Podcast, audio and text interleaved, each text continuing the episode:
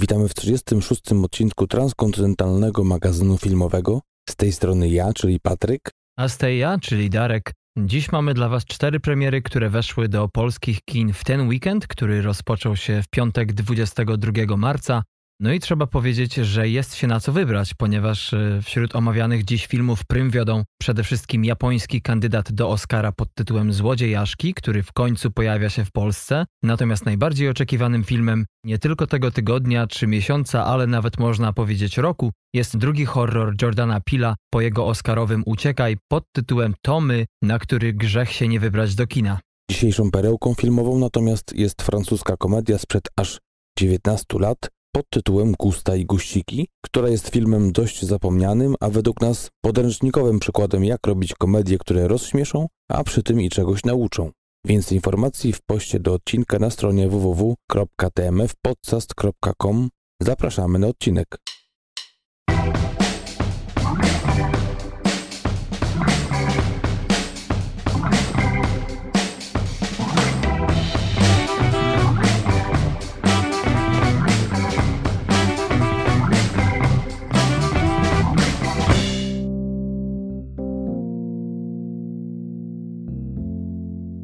No jest to opóźnienie, jest taka fala, która nas jednak dzieli. Nie jest tak, że ja stanę nad brzegiem oceanu, krzyknę uuu i ty już słyszysz. A o klaskaniu mówisz.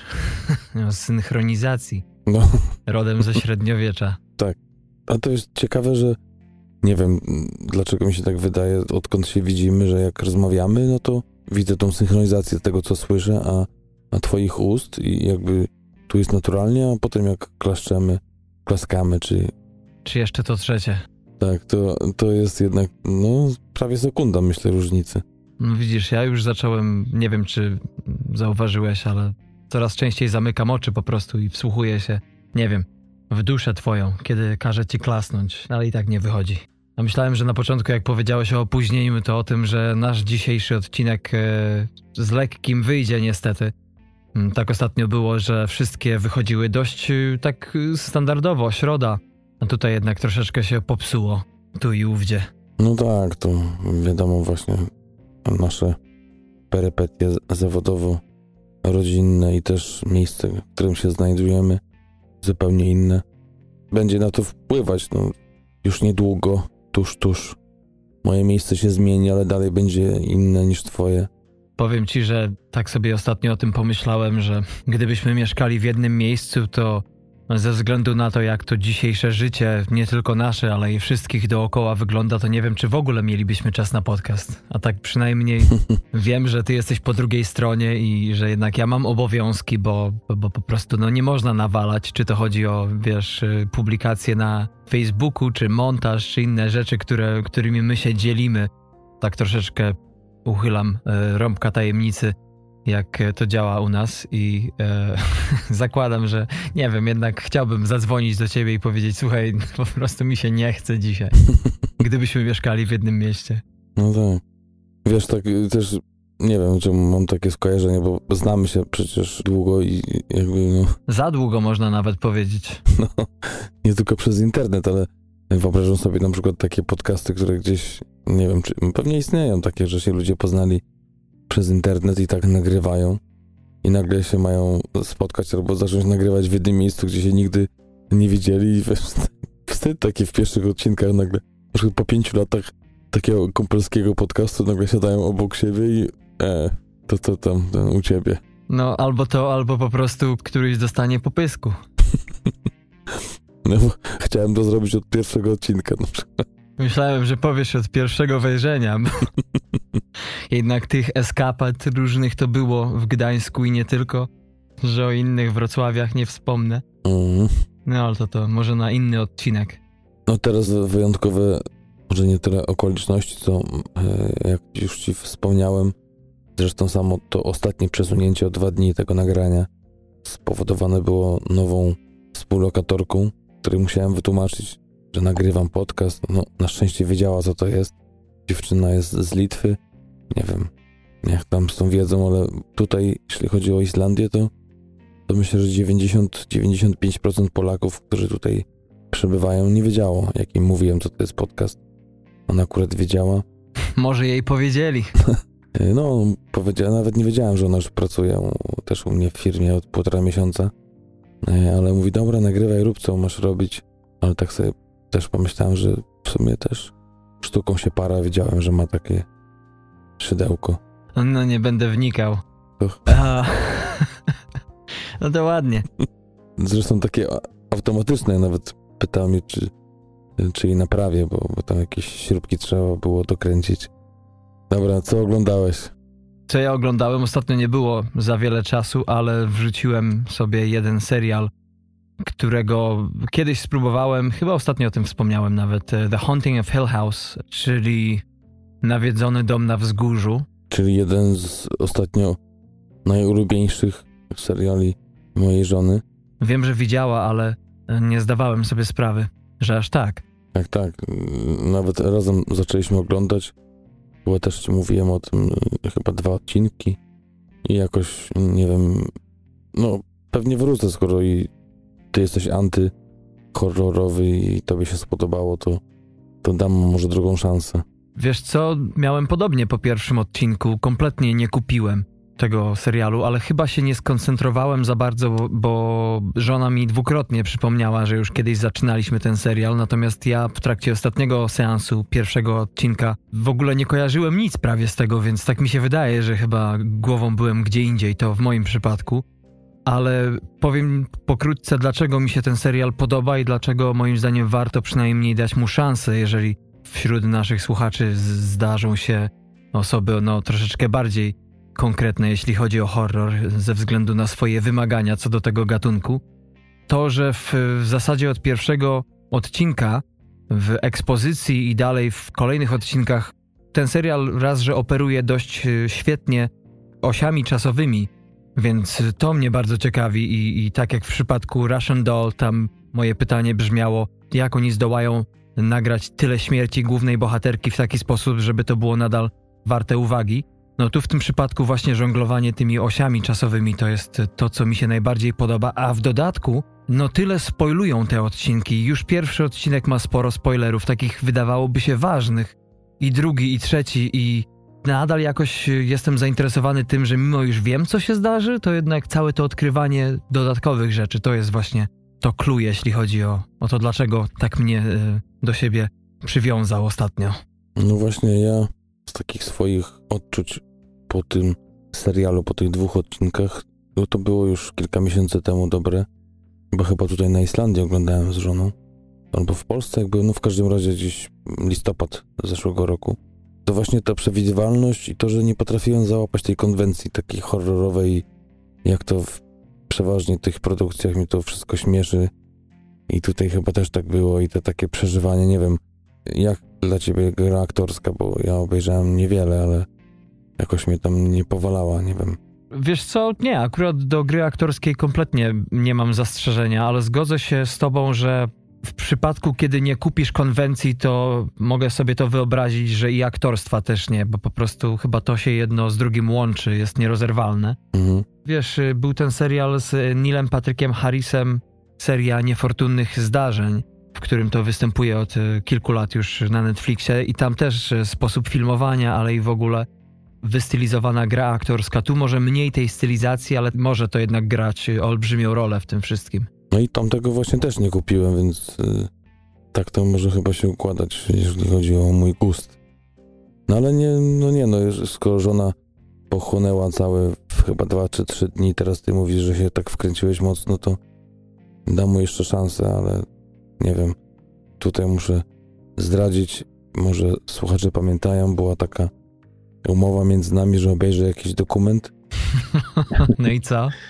Zacząłem od niefortunnego wyboru, czyli po prostu filmu dokumentalnego o karierze Xaviera Dolana, czyli wschodzącej gwiazdy kina kanadyjskiego, ale to chyba nie o to chodziło. żebym taki film wybrał. No tak to można liczyć, że tych dokumentów to sporo jednak przewijasz, nie? W researchu do każdego odcinka. Tak, tak. A chociaż ten był taki dłuższy, tam 50 kilka minut. W każdym razie, no nie, zawziąłem się i skoro przesunęło się to nasze nagrywanie o dwa dni, to wczoraj zasiadłem, czy pół zasiadłem, pół położyłem się do serialu tego najnowszego o zaginięciu dziewczynki w Portugalii. Nie wiem, to była brytyjska rodzina, tak? Tak, tak. No to powiem ci, że masakra. Tak się wynudziłem. A jeszcze to chyba znowu ta konwencja, nie wiem, chyba dalej ta konwencja, w sensie no oczywiście inna, ale dalej to trzeba kupić, no. Słuchaj, bo on, on, ma coś takiego w sobie, że ja w większości, ja obejrzałem pięć odcinków i w większości z nich miałem wrażenie, że poczekaj, to ludzie odgrywają głównych bohaterów, czy to są autentyczni ludzie? Tyle tego jest, y, tyle w ogóle jest nagrań, jakby kamera ich śledziła, jakby już ktoś wtedy wiedział o tym porwaniu. Nie, poważna sprawa, sobie tak żartuję, ale jest coś takiego dziwnego. Ja też się trochę zaczynam nudzić, powiem ci szczerze. Nie, nie, ale nie, nie, nie, nie, Darek, to nie chodzi nawet o to, to znaczy ja to jeszcze jakby... Trochę spłyca to moim zdaniem. Nie, nie, nie, nie. Nie, ja zupełnie o czym innym mówię. Ja się w ogóle nie przebiłem przez tą warstwę jeszcze yy, w ogóle samego dokumentu, Aha. żeby tak analizować ten serial. Po prostu samo to, że mówią o tym i, i rodzice sprawdzali pokój co pół godziny. Raz sprawdzili drzwi otwarte, raz nie zajrzeli i, i, i nagle tutaj policja i policja szuka i dzwonią po różnych miejscach no, najważniejsze są te pierwsze trzy dni z każdym dniem. Nie nie, jeszcze ta dum dum, dum dum, muzyka. Mówię, no nie. Słuchaj, ja rozgrzeszę cię tutaj i nie dlatego, że po prostu nadal chcę, żebyś zaczął oglądać te seriale, te filmy dokumentalne, ale powiem ci, że to nie jest niestety aż tak wciągający dokument w ostatnich latach, który obejrzałem. No jest, to jest raczej na samym dole. Nie to, że jest coś złego w nim, ale sam temat, czyli zaginięcie dziewczynki, to już mi robi, a potem rozwlekanie tego i wszystko po kolei. Nie wiem, to już wolę tą Formułę 1, powiem ci, jeśli chodzi o sposób narracji. No właśnie, ja też nie wiem, co mi nie pasuje w tym. Po prostu dla mnie takie coś się nadaje na notkę, tak w gazecie i mhm. ja już się przejmę, że dziecko zginęło, czy, czy nie wiem, co tam się z nim stało, ale żeby to musieć tak analizować, to jakoś i trochę tak to było podologicznie. Wiadomo, że policja szuka, wiadomo, że ten czas jest ważny, e, ale jakby jak czasami coś ważnego się stanie, jakby takiego nie, niespodziewanego albo jakieś odkrycia trakcie, nie wiem, do tego nie doszedłem. Słuchaj, to może ty po prostu spróbuj albo Making a Murder na Netflixie, może to cię zajmie, albo o tego, o tym Osho, czyli Bardzo Dziki Kraj, bo może to będzie aż tak pokręcone, że wiesz, zapomnisz, że to dokument. Ja kiedyś zacząłem ten serial też mi go polecałeś, no, o tym jak to jest stworzone, to, to jakby też to jakby mnie nie, nie wkręciło. Myślałem bardziej może o tej Formule 1 na Netflixie. Też mówili, że to jest ok.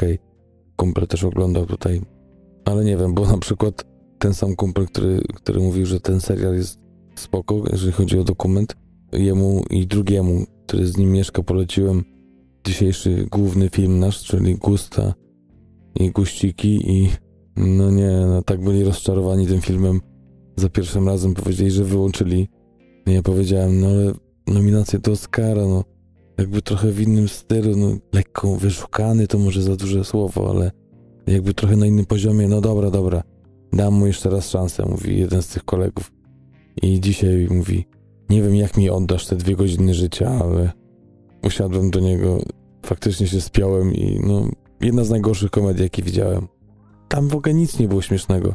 Ja mówię, Chiquita banana nic? Nie. To ja poproszę w takim razie imiona i nazwiska tych panów i adres zameldowania w Polsce. A najlepiej to e-mail.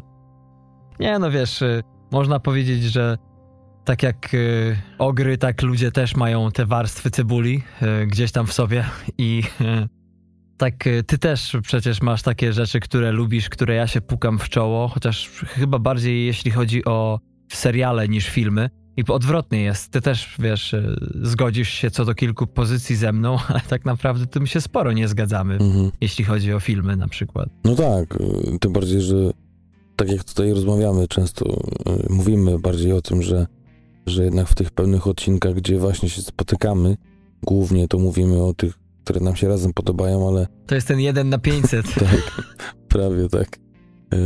Jeden na 500 to się wiąże z jedną z premier, o której będę dzisiaj mówił, znaczy będziemy mówić, ale też yy, to, że my nie mówimy o tych, albo bardzo rzadko, no teraz są te bonusy, czasami to mówimy o tych hitach, które wychodzą i czasami coś tam napomnimy o jakimś Baby Driverze czy Dunkierce, ale raczej o tych dużych tytułach nie mówimy, no bo jakby nie o to tu chodzi.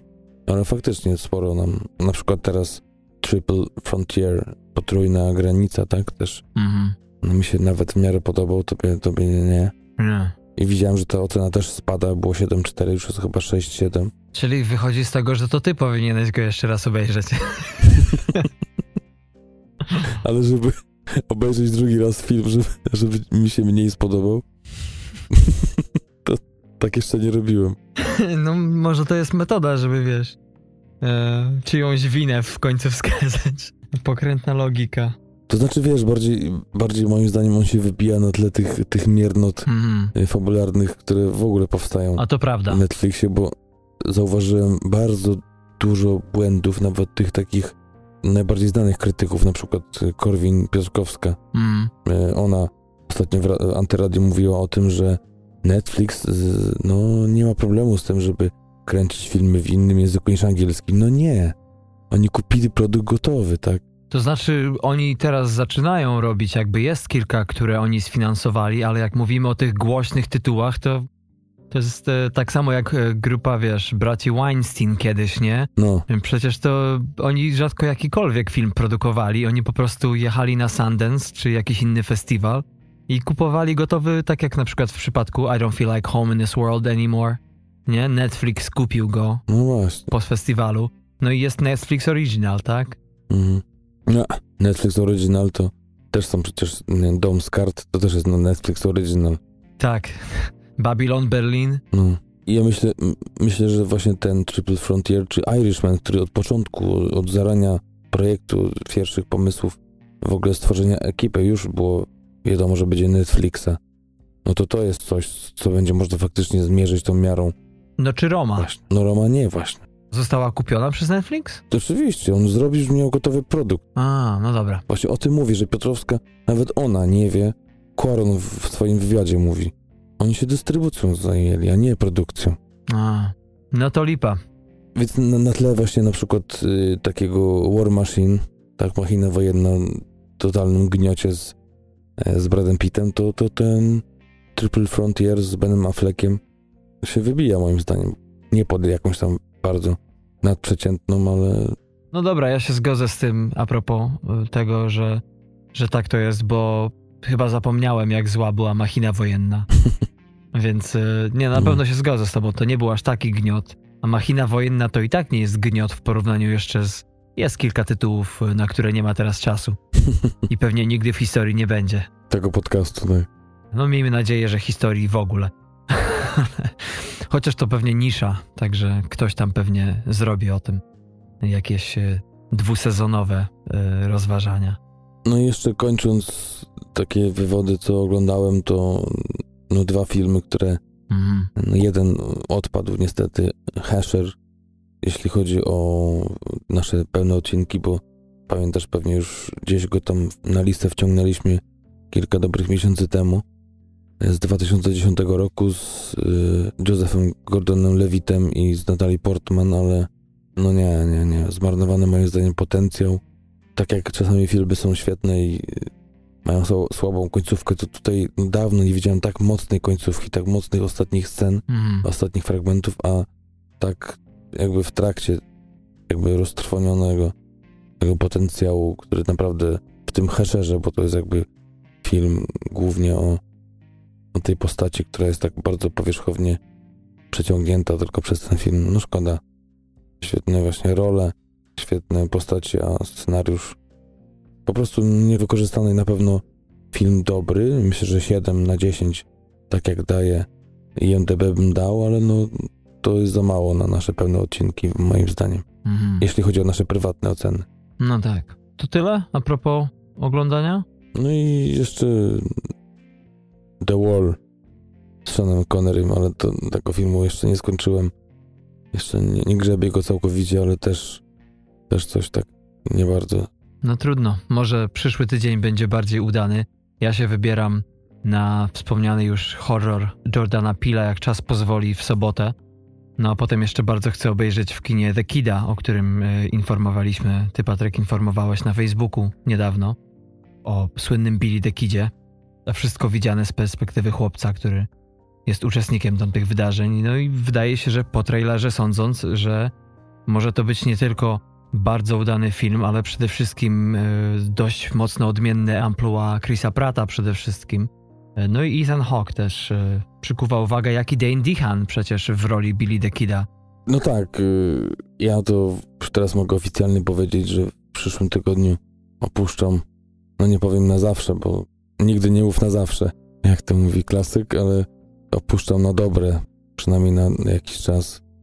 Mam nadzieję, że dłuższy Islandię i wracam do Polski. Tutaj będę, no nie non-stop, ale, ale stąd będę gdzieś powiedzmy wyjeżdżał na jakieś kontrakty i więcej będę w Polsce na pewno i mam zamiar od razu z grubej rury zasiąść do fotela kinowego, przypiąć się łańcuchem i posiedzieć tam dobre 2-3 tygodnie i obejrzeć to, co się da. I nawet chodzić tak, myślę sobie właśnie w tej chwili na, na poranne seanse, gdzie jeszcze rodzina śpi, no bo wiadomo, że, że tam żona pewnie poszłaby na jeden czy dwa seanse, jakbym coś tam wynalazł i ją uprosił, ale nie na wszystko. Nawet nie chcę jej ciągnąć, tym bardziej córki oczywiście. Mamy iść na rezolutne robaczki, czy coś takiego. To ten yy, Nolana, tak? Najnowszy. no, Nolana, tak. Dark comedy, tak. Nie, coś dziecięcego, także y, jest plan, żeby w przyszłym tygodniu y, iść y, już z córką na pierwszy film kinowy. Patrzę tak na polski e, box office, bo w zasadzie kończymy ten housekeeping powolutku i zabieramy się za premiery, ale no Korgi Psiak Królowej powiem ci nie najgorzej zarobił, bo więcej od Przemytnika Clint'a Eastwooda w weekend otwarcia, więc też może jakieś, wiesz, robaczki z zaginionej dżungli ponad połowę tego co Korgi, więc może lepiej jednak, wiesz, na jakiś e, tak zwany safe bet postawić. No właśnie. E... Albo kurier z grubej ruli, patriotycznie. Nie. Córka już się ponoć wkręciła, e, zresztą obejrzała, bo oczywiście też chcieliśmy ją przygotować. Znaczy ja bardzo mi zależało, żeby żona z córką przesiedziała jakiś film jeden. Mhm. Także córka obejrzała pierwszy swój pełnometrażowy film animowany w domu Król Lew i ponoć zachwycona była więc jest już pierwsze przetarcie przed wyjściem kinowym, chociaż jeszcze wyjście na siku, kupę, wiadomo, to są takie rzeczy nie za bardzo nawet od niej pewnie zależne, ale no spróbujemy wysiedzieć, chociaż właśnie czytałem recenzję, że no jest typowy film dla dzieci, gdzie rodzice spokojnie mogą pójść w ramiona Morfeusza w tym czasie. No to słuchaj, to jak już e, wrócisz e, do kraju i wybierzesz się z żoną i córką na seans, to to życzę wam, żeby to nie było niechcący potrójne wyjście. No właśnie. No dobrze. E, słuchaj, to co? Robimy te premiery? No robimy, niech coś tam nasi słuchacze wybiorą, czy to na ten weekend, który trwa, czy na kolejny. Bo o tych robaczkach to chyba nie mówiliśmy w żadnym odcinku, nie? Bo on jest chyba już od 8 marca? Tak, tak, tak. Natomiast y, mówiliśmy o innych, ja ostatnio w bonusie na przykład o przemytniku, który no, zarobił nie tak strasznie, 45 tysięcy osób y, poszło na niego w weekend otwarcia. O wiele więcej na kuriera, który był królem, jeśli chodzi o zeszły tydzień, zeszły weekend otwarcia, bo na niego poszło około, ile pamiętam, 80, 92 tysięcy dokładnie y, widzów. Wszyscy wiedzą, czyli najnowszy film Ashgara Farhadiego, o którym też mowa była ostatnio w bonusie, to no, około 21 tysięcy. Nie podali danych a propos, przepraszam, że przeszkadzam, ale to, to takie podsumowanie krótkie, jak to się kształtowało. Czyli polski film, widać, że kolejny weekend i kolejny polski film króluje. Tym razem, chociaż z tego co wiem, to fatalne oceny. Może nie fatalne, ale nie tak najlepsze. Ale tak jak mówiliśmy ostatnio. Standardowy. Tak, tak. Ale ostatnio właśnie wiesz, był ten Kogel Mogel, była Planeta Singli i teraz Kurier jako kolejny lider się wyklarował. Mhm. No nic, to zobaczymy jak to sobie poradzą te filmy mm, z tego tygodnia, mhm. bo jest różnorodnie i jest ciekawie. Nawet, nawet może jak niewybitnie, chociaż nie wiemy, bo Tomy to też jest mocno e, nie wiadomo jeszcze. Mm. Złodziejaszki to już można powiedzieć, może nie tyle klasyka, to, to już taki na pewno faworyt, bo, bo wszędzie tak, tak. bardzo wysokie oceny, więc zresztą ja powiem dwa słowa, bo ja ten film widziałem. Mhm. Nawet miałem zrobić bonusa, ale tak jakoś no, z tym czasem było bardzo słabo, więc nie wyszło. Coś tam wyłapię może później, chociaż ze mną będzie ciężko. Mhm. No, te dwa inne to jest no, też polski film i, i mocno kontrowersyjny chyba Girl, Tak, tak, od tak. którego chyba zaczniemy. Tak jest. Mowa o dramacie belgijsko-holenderskim, który pojawił się po raz pierwszy w zeszłym roku w maju na festiwalu w Cannes. Akcja opowiada o 15-latce Larze, która urodziła się w ciele chłopca. No i dziewczyna marzy o zostaniu baletnicą. Przechodzi w tym celu hormonalną terapię zastępczą w ramach e, przygotowań do operacji zmiany płci. Pojawiają się frustracje, zwątpienia, powolnym postępem leczenia przede wszystkim.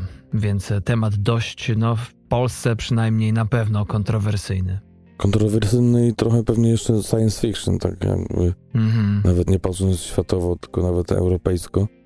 I raczej pewnie nic dziwnego, że taki temat się zjawił właśnie w krajach Beneluxu, bo tam jest ta wolność, ale też i otwartość. Więc wcale nic dziwnego, że tam się pojawił pan Lucas Dont, e, rocznik 1991, także mocno e, młody i uderzający też pewnie w to pokolenie i w te początki Xaviera Dolana, Mhm. który jest e, dwa lata starszy tylko. Jest to oczywiście belgijski reżyser, dla którego jest to debiut pełnometrażowy.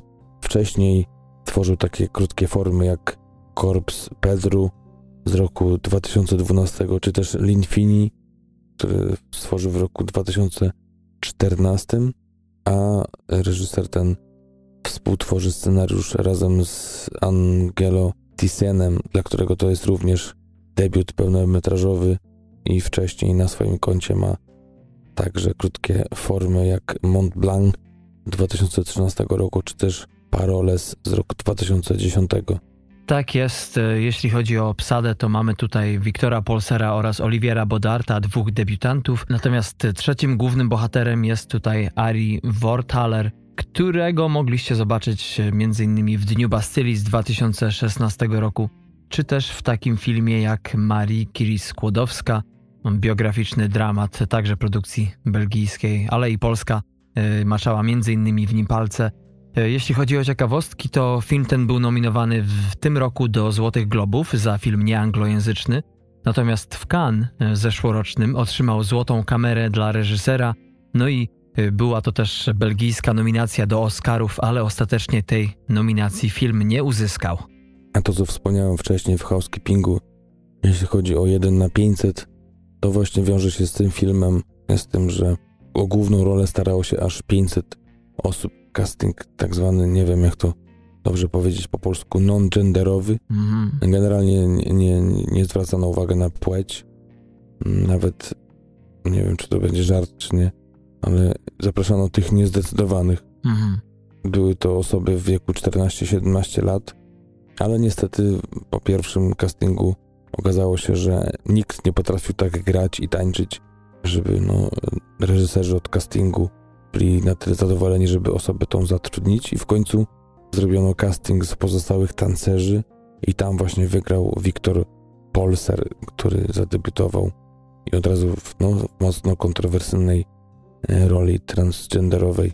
A scenariusz sam to też ciekawe, że to, że miał premierę w Cannes, wiąże się z tym, że powstawał od już 2016 roku na kanwie programu Fundacji Festiwalu w Cannes, która właśnie e, funduje nagrody i właśnie takie konkursy mm, na najlepszy scenariusz.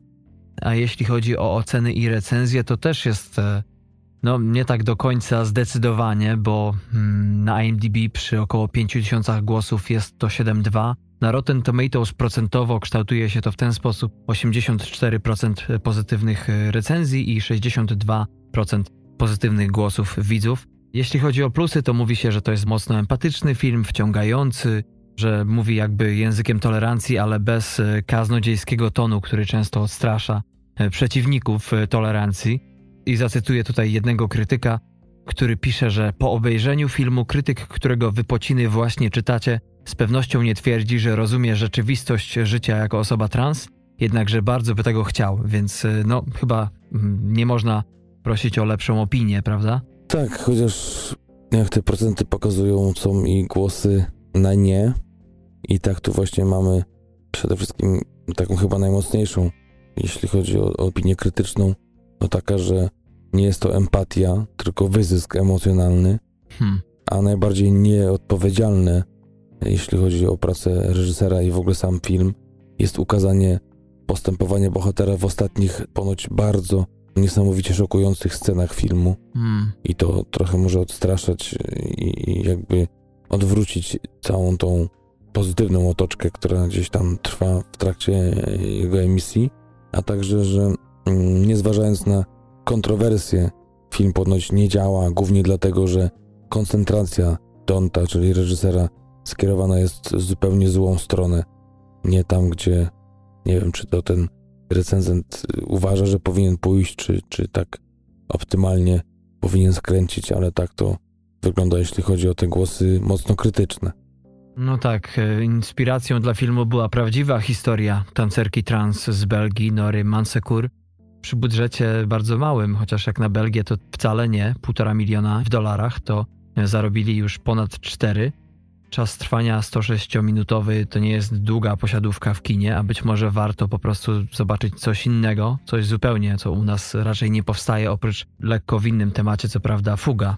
No ja tak myślę sobie o tym, że film jest y, oceniany przez pryzmat tych szokujących ostatnich scen, ale jeżeli był inspirowany prawdziwą historią, a jeszcze co więcej, ta tancerka współpracowała z reżyserem i generalnie ze scenarzystami broni tego filmu, no, po prostu może tak było i po co zakłamywać tak bardzo historię, nie jest to Bohemian Rhapsody. I tym oto sposobem przechodzimy do drugiej premiery, bo potem już chyba nie mogę piękniejszego podsumowania wymyślić. Drugą premierą, o której chcielibyśmy Wam dzisiaj powiedzieć, to polski film Borysa Lankosza, kryminał, e, którego uroczysta premiera miała miejsce niedawno, 18 marca. No i jest e, to film na podstawie powieści pod tym samym tytułem autorstwa Joanny Bator. No i to ta książka była, pewnie niektórzy z naszych e, słuchaczy pamiętają, dość wielkim zjawiskiem, jeśli chodzi o rok, bodajże to był 2012, w 2013 dostała, mm, tyle pamiętam, nagrodę literacką Nikę. E, no i opowiada ten film o tym, jak to Wałbrzychem wstrząsa seria tajemniczych zaginięć dzieci, a do miasta przybywa nieustępliwa reporterka, powracająca po latach w tamte strony, w rodzinne strony, by poznać y, rodziny zaginionych, rozwikłać zagadkę, wobec której policja nawet okazuje się bezsilna, a w trakcie prywatnego śledztwa wpada na trop dramatycznych wydarzeń, które swój początek miały dekady temu. I będzie musiała również stawić czoła nowemu zagrożeniu oraz temu, przed czym uciekała przez całe swoje dorosłe życie, czyli po prostu tajemnicy swojego dzieciństwa, no i szokującym sekretom własnej rodziny. Z czasem ponura intryga kryminalna połączy jedno zniknięcie dzieci wojenną przeszłość, czy też legendy zaginionego skarbu oraz losy samej reporterki. Wszystko to w mrocznej ponoć i pięknej scenerii miasta oraz samego zamku książ. Jedną z odpowiedzialnych osób za scenariusz jest Magdalena Lankosz, wcześniej producentka 52-minutowego dokumentu biograficznego swojego męża, Autor Solaris, taki miał tytuł ten dokument o Stanisławie Lemie, w którym to głównego bohatera zagrał sam Jan Peszek, natomiast drugim scenarzystą i za reżyserię filmu odpowiada Borys Lankosz, znany pewnie wam najbardziej za swój film Rewers z Agatą Buzek i Marcinem Dorocińskim. Potem był jeszcze Kryminał Ziarno Prawdy z Robertem Więckiewiczem, e, średnio udany film moim zdaniem. A w, ostatnio reżyseruje także serial TVN-u pod powierzchnią z Bartłomiejem Topą i Magdaleną Boczarską. Warto też zwrócić uwagę na autora zdjęć, gdyż jest to dość mocno poważane nazwisko Marcina Koszałki, który ma w swoim dorobku takie filmy jak no, piękne, jeśli chodzi o zdjęcia właśnie Rewers, czy też Pręgi Magdaleny Piekosz, a w obsadzie gwiazdy naszego kina w osobach Magdaleny Cieleckiej, która wciela się w rolę reporterki Alicji Tabor.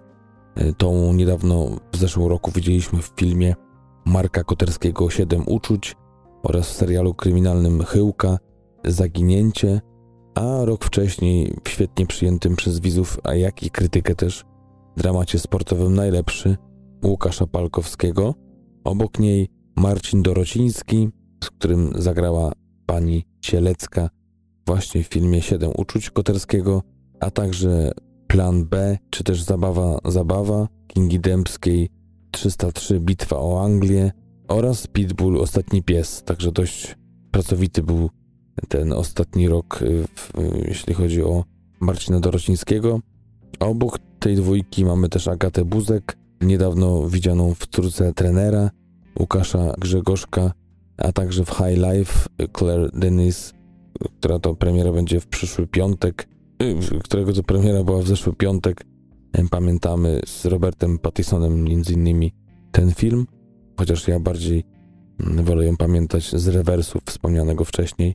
A oprócz niej jeszcze można też y, dołożyć do tego Dawida Ogrodnika, Jerzego Trele, Piotra Froczewskiego, czy też aktorkę chyba nadal Teatru Wybrzeże, Dorotę Kolak.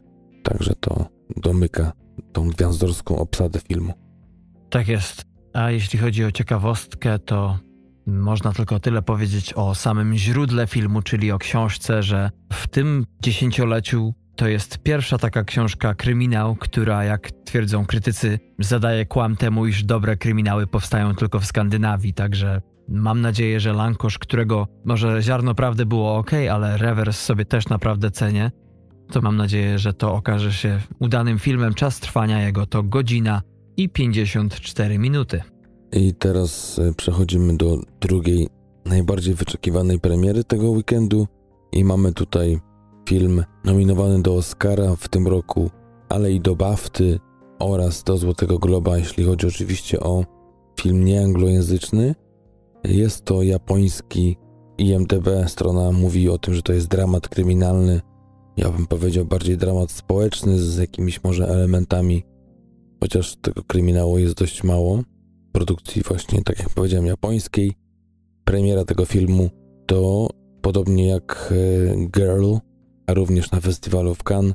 E, tutaj dystrybucją zajęła się firma Gaga Pictures, a akcja opowiada o tym, jak to pięcioosobowa rodzina mieszka pod jednym dachem, utrzymując się z dorywczej pracy i drobnych kradzieży, a przybycie bezdomnej, mm, chociaż no, to jest opis producenta, tak jak powiedziałem wcześniej, film widziałem, e, no można powiedzieć, e, przybycie niechcianej w swoim domu dziewczynki zbliża krewnych do siebie. Może bardziej tak zupgrade'uje ten opis filmu.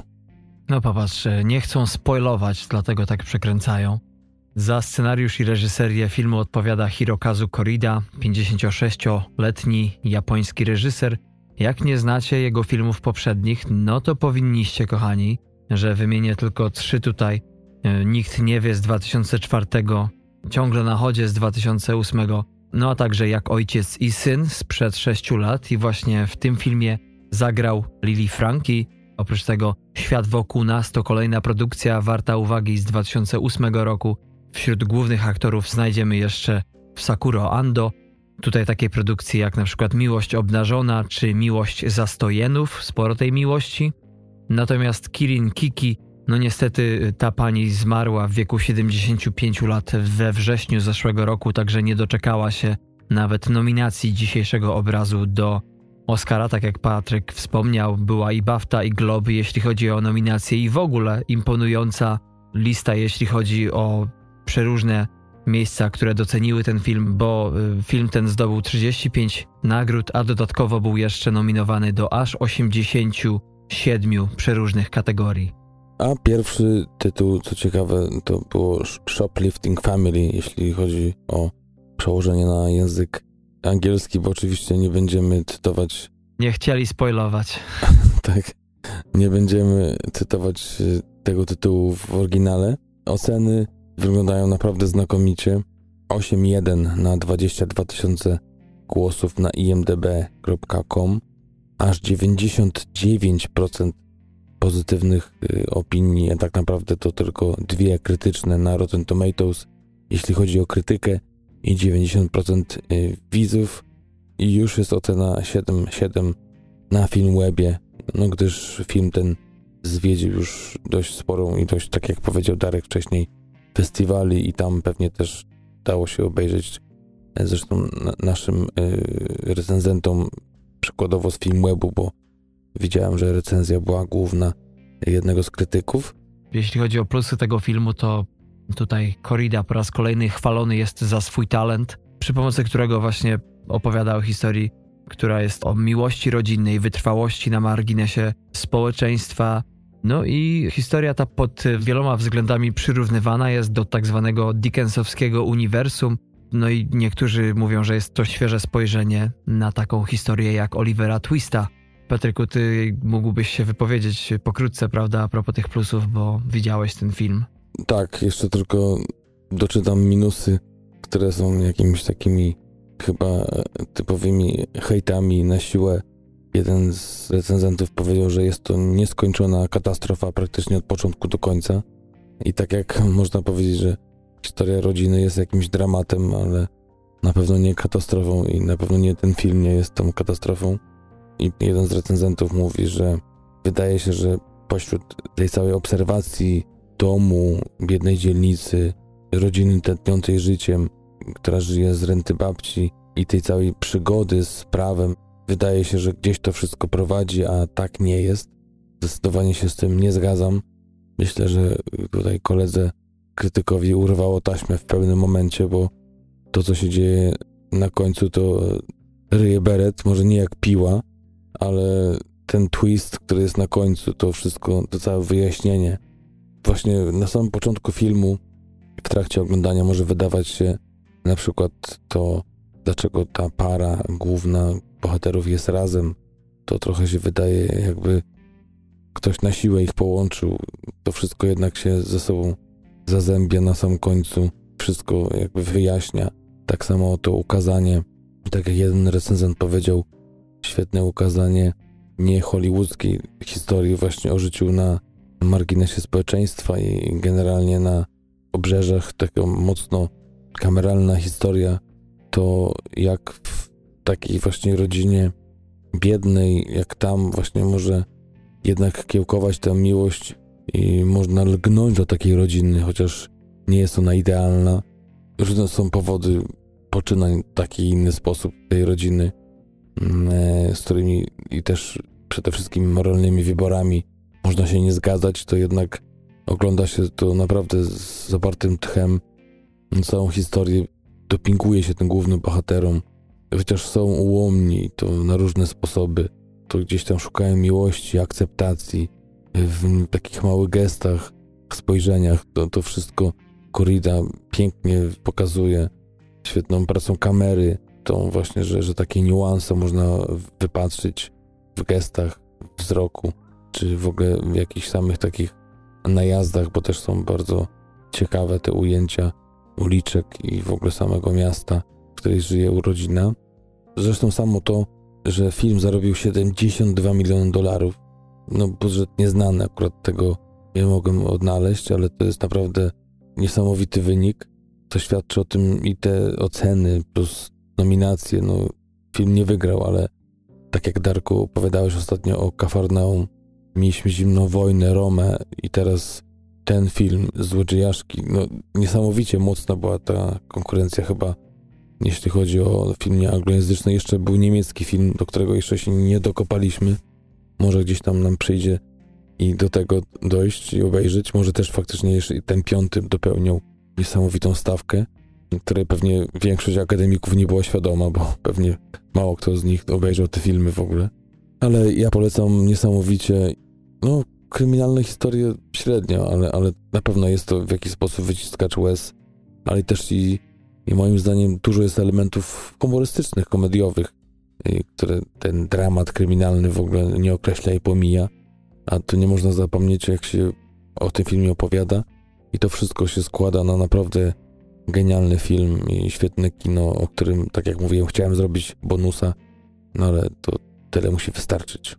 Tak jest. Ja bym się zaraz rozgadał chętnie o tych Oscarowych kategoriach, ale to już po Oscarach, więc e, może kiedyś jeszcze wcisnę na siłę w pół odcinek. Natomiast przechodzimy, kochani, już do najbardziej wyczekiwanej, jak wspomnieliśmy na początku, premiery tego tygodnia, ale można powiedzieć, że od e, czasu debiutu Jordana Pila jako reżysera w roku 2017 z filmem Uciekaj. no to cały świat, y, tak jak czeka na Stranger Things na przykład, czy na film Quentina Tarantino, tak Ameryka chyba zdaje się czekać przynajmniej w równym stopniu na ten właśnie film, jak na film Quentina. Mówi się, że to jest thriller, chociaż na IMDb podane, że horroro thriller, sam reżyser zarzeka się, że to horror, więc tak jak w przypadku dramatu kryminalnego, niekryminalnego, tutaj też po prostu można powiedzieć, że będzie intensywnie. Co więcej, mówi o tym, że to jest horror o potworach. O, tak czy siak, premiera tego filmu miała miejsce nie tak dawno, bo na festiwalu South by Southwest w Austin w stanie Texas. A akcja, pewnie wielu z Was już widziało trailer, a jeśli nie, to w zasadzie to nie będzie spoiler, bo chyba mniej spoileru jest w opisie filmu, Patryku, niż w samym trailerze, który chyba pokazuje, o czym rozmawialiśmy przed wejściem na antenę, zbyt dużo, prawda?